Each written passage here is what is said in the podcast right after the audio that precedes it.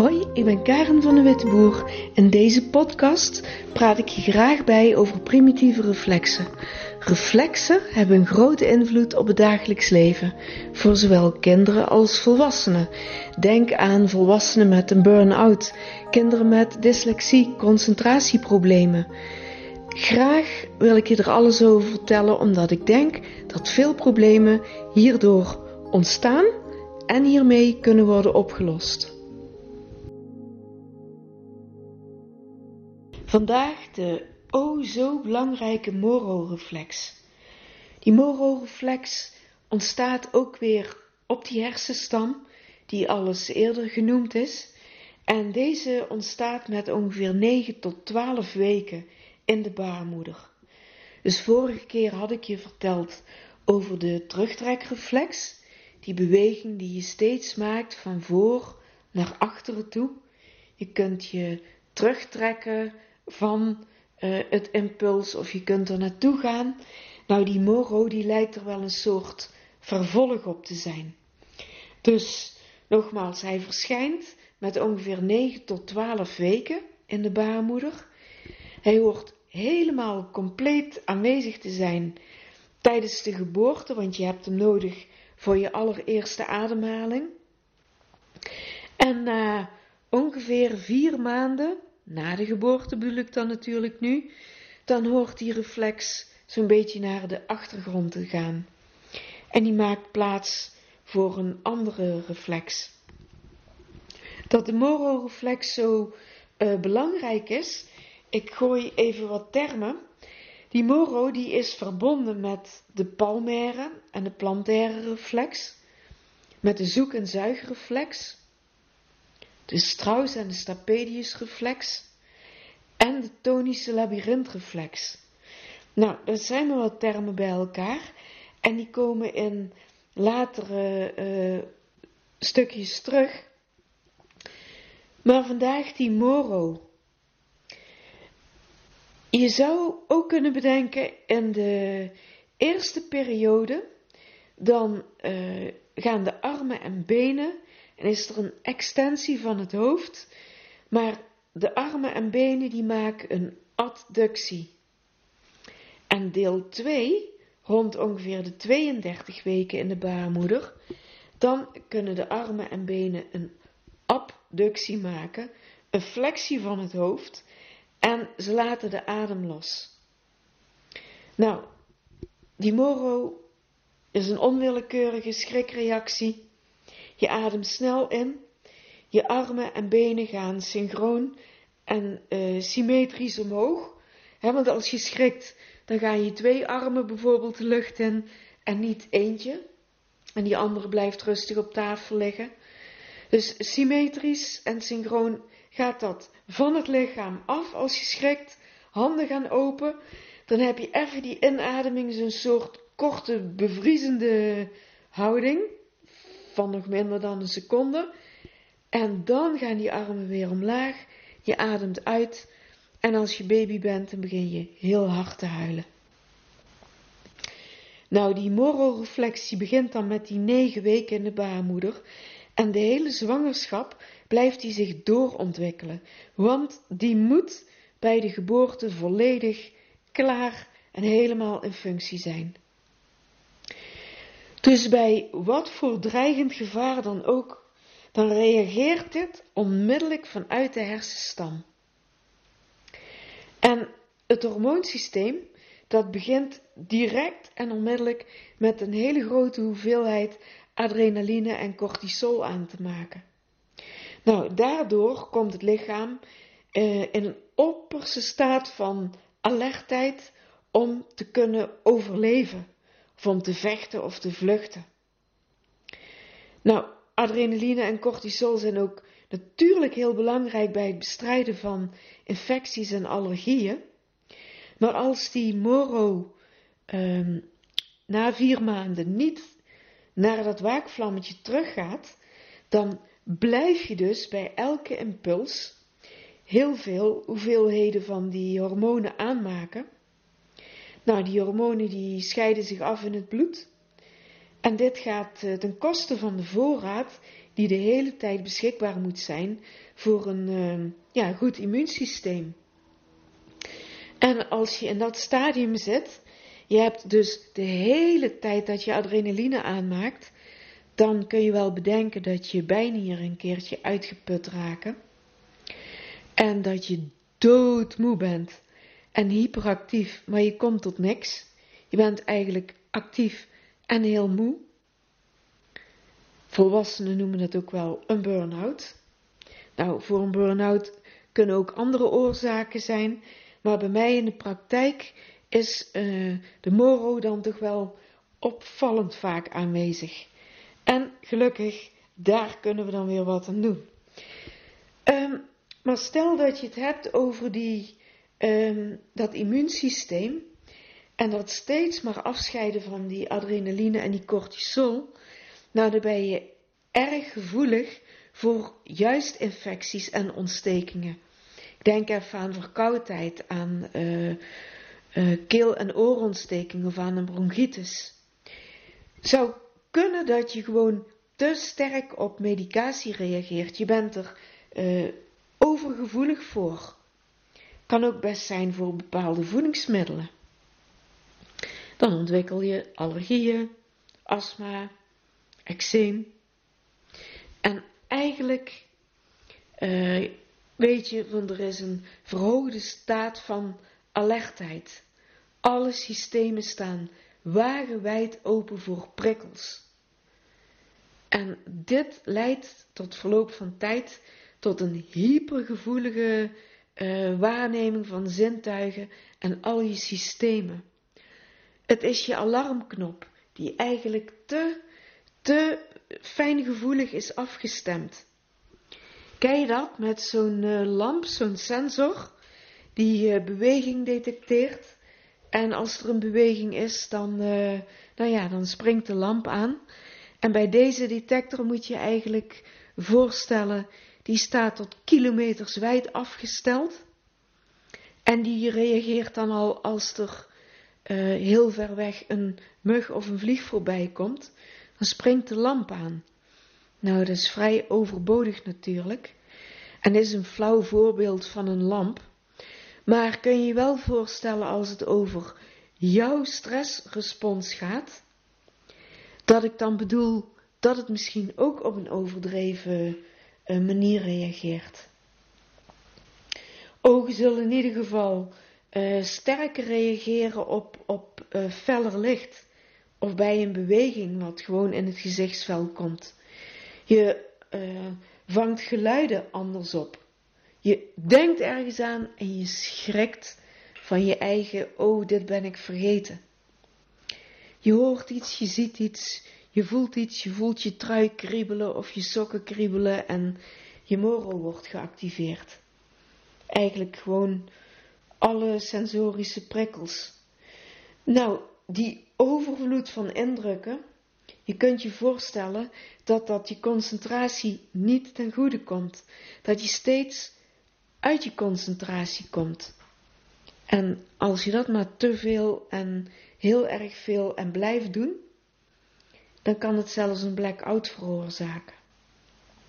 Eigenlijk omdat je steeds meer energie verbruikt om al die prikkels te verwerken en een hogere spierspanning hebt, nou, dan gaat ook je bloedsuikerspiegel op reageren, zal dan bijvoorbeeld sneller dalen, waardoor je stemming en prestatieniveau verandert, kan heel snel wisselen. Je kunt, omdat je daar zo mee bezig bent, um, moeilijk informatie filteren. En dan bedoel ik, je kunt moeilijk hoofd- en bijzaken van elkaar onderscheiden, want je bent gewoon compleet overbelast en overprikkeld.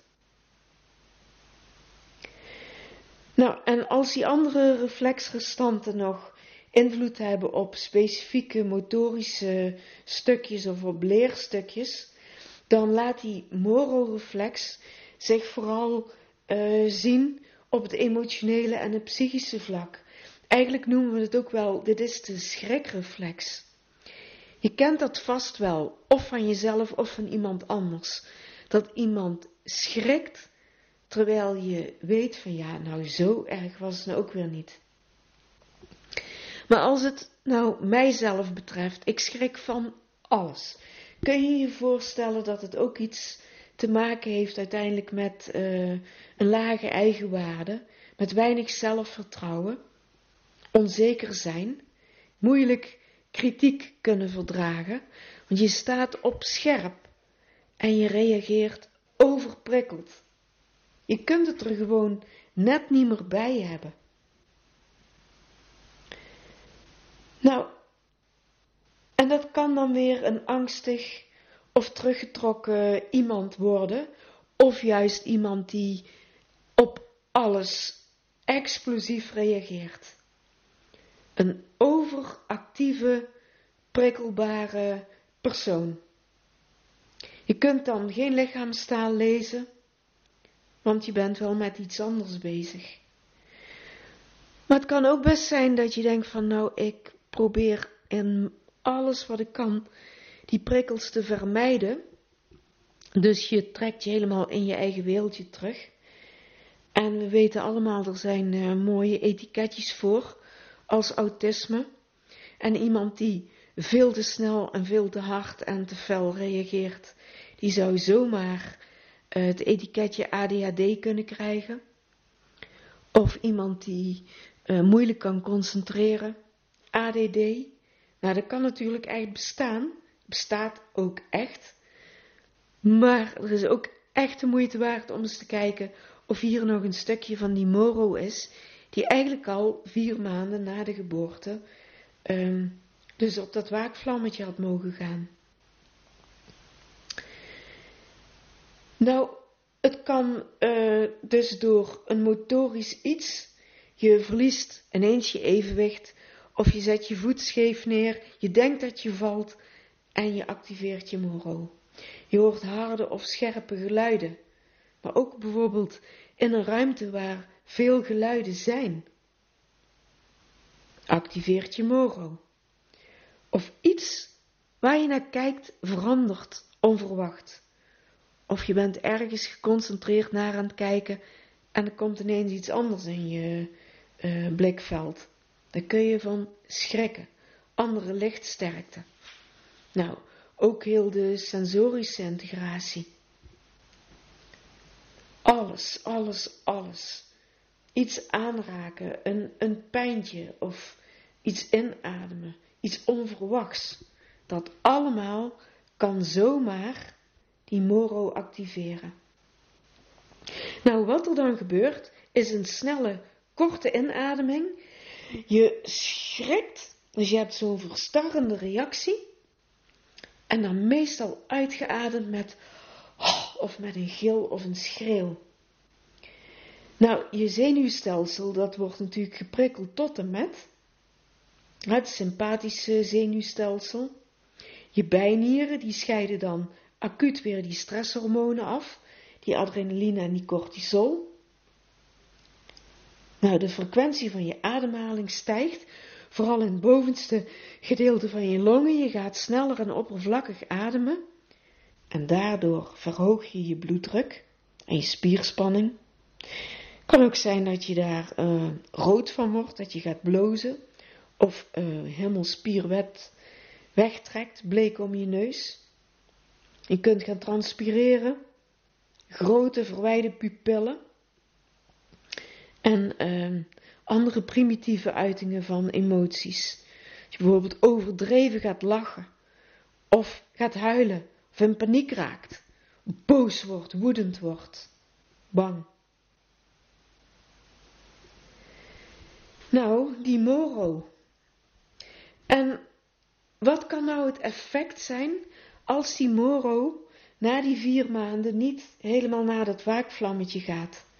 Je kunt bijvoorbeeld je fijne en je grove motoriek, uh, daar ga je in merken dat je een coördinatiestoornis, dat lijkt in ieder geval een stoornis, maar je bent daar minder handig in. Je bent te grof of te ruw. Uh, je bent ook in die zin snel overprikkeld.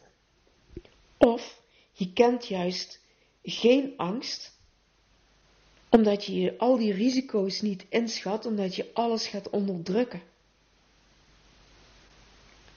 Of juist een afweerhouding. Stel je voor je bent met een bal bezig. In een spel komt een bal ineens naar je toe.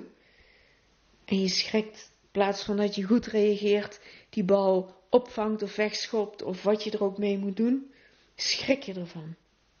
Heb jij weer een hogere spierspanning, weer meer adrenaline.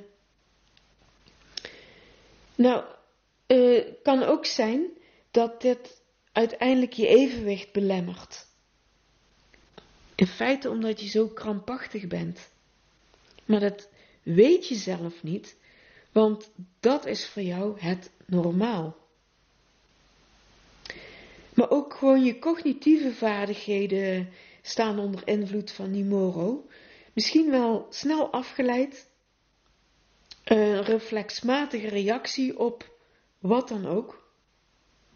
Kom je weer met concentratie en hoofd- en bijzaken niet van elkaar uh, kunnen onderscheiden.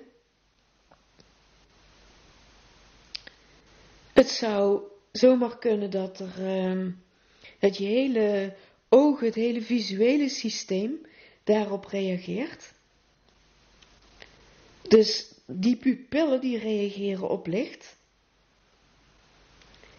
En ze schrikken als het ware van het afwisselen van ver weg, dichtbij, links of rechts. Een trillingsfrequentie van bijvoorbeeld een lamp of van neonlicht.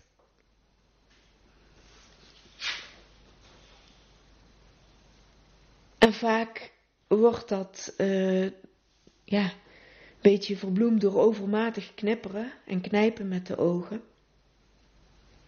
Als je bijvoorbeeld één oog de hele tijd dicht doet, noemen we ook wel visuele stress, gauw moe zijn.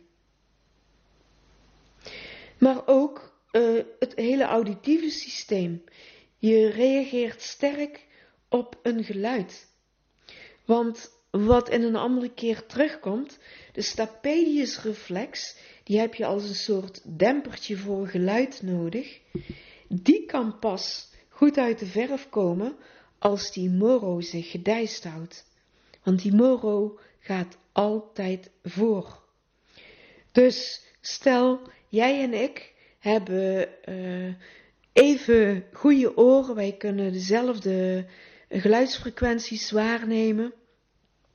Als de een die moro nog actief heeft en de ander niet, dan komt bij degene waar de moro nog actief is, dat geluid gewoon harder binnen dan bij de andere. En uh, misschien kan je er wel bang zijn voor ballonnen, voor vuurwerk of voor de kermis. Gewoon, het is allemaal te hard, te fel. Soms ga je dan praten met een zeer zachte stem. Schrikken van je eigen stemgeluid. Maar ook kun je bedenken dat uh, omgevingsfactoren hier erg uh, invloedrijk zijn. Denk aan een rommelige kamer, rommelige tafel. Het kan enorm afleiden en het kan enorm uh, drang tot opruimen hebben, terwijl je er misschien niet toe komt. Want je bent steeds afgeleid. Ook bewegingen, dat lijkt alsof die soms gevolgd moeten worden. En andere omgevingsfactoren kan ook heel simpel zijn. Hè? Uh, is een vlieg in de kamer. Nou, die belemmert jou de hele tijd. Iemand anders die kan dat uitschakelen of negeren. Maar iemand met een, actieve moro, nou dat lukt helemaal niet. Um, dat kan ook maken dat het bijvoorbeeld het hardop lezen, je raakt de hele tijd uit je concentratie. Nou, valkuilen genoeg om die moro actief te maken. Dus als ik tot nu toe even samenvat, elke prikkel van buitenuit, daar reageert die hersenstam op, die activeert die moro, En daar kunnen al die zaken uit voortvloeien.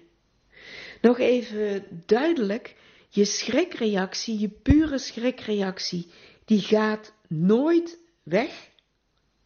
Nee, dat blijft. Maar je hoeft hem niet meer de hele dag te hebben. Op het moment dat ik dit inspreek, zit ik hier alleen in, een, uh, in mijn werkkamer. Maar stel je voor dat er ineens een leeuw binnenkwam, een hongerige leeuw. Nou, je begrijpt dat ik dan schrik. Maar ik denk dat dat ook een terechte schrik zou zijn. Maar ik hoef niet te schrikken als een vlieg hier door de kamer vliegt. Dus op een moment moet je als het ware onderscheid kunnen maken van is dit echt gevaar? Of ga ik dit negeren? Nou, er is dan nogal een lange termijn effect van die overgebleven moro-reacties. Uh, in ieder geval ook je evenwichtssysteem. Uh, bewegingsziekte, slecht evenwicht. Het kan best wel het gevolg zijn van die moro-reflex. Want die hindert bijvoorbeeld ook de tonische labyrintreflex en de hoofdrichtingsreflex. Kan zijn dat je jezelf klein maakt of denkt. Dat uh, tactiele pulsen, dus, dus je hebt iets raakt jou aan of iets zit op je huid. En of dat nou je kleren zijn of iemand tikt vriendelijk op je schouder of op je arm. Uh, dat onderscheid, dat lijkt je niet te kunnen maken. Hypersensitief ben je. Met meer zintuigelijke kanalen. Nou, en dan tel daar die allergie nog op. Of die verminderde immuniteit. En mogelijke secundaire uh, stukjes die eruit voortvloeien. Altijd zo'n vage angst. Altijd hangt er zoiets boven je hoofd van, oh god, dadelijk gebeurt er iets. Want jij bent natuurlijk gewend, die prikkels die komen de hele tijd. Dus je bent daar uh, te veel op gefocust.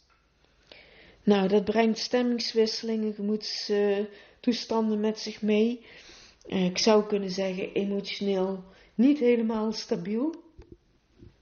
Lastig kritiek kunnen hebben, want je hebt al genoeg aan jezelf. En ik had het al genoemd, maar dat doet mijn zelfbeeld geen goed. Zou zomaar een factor kunnen zijn van onzekerheid of van weinig eigenwaarde.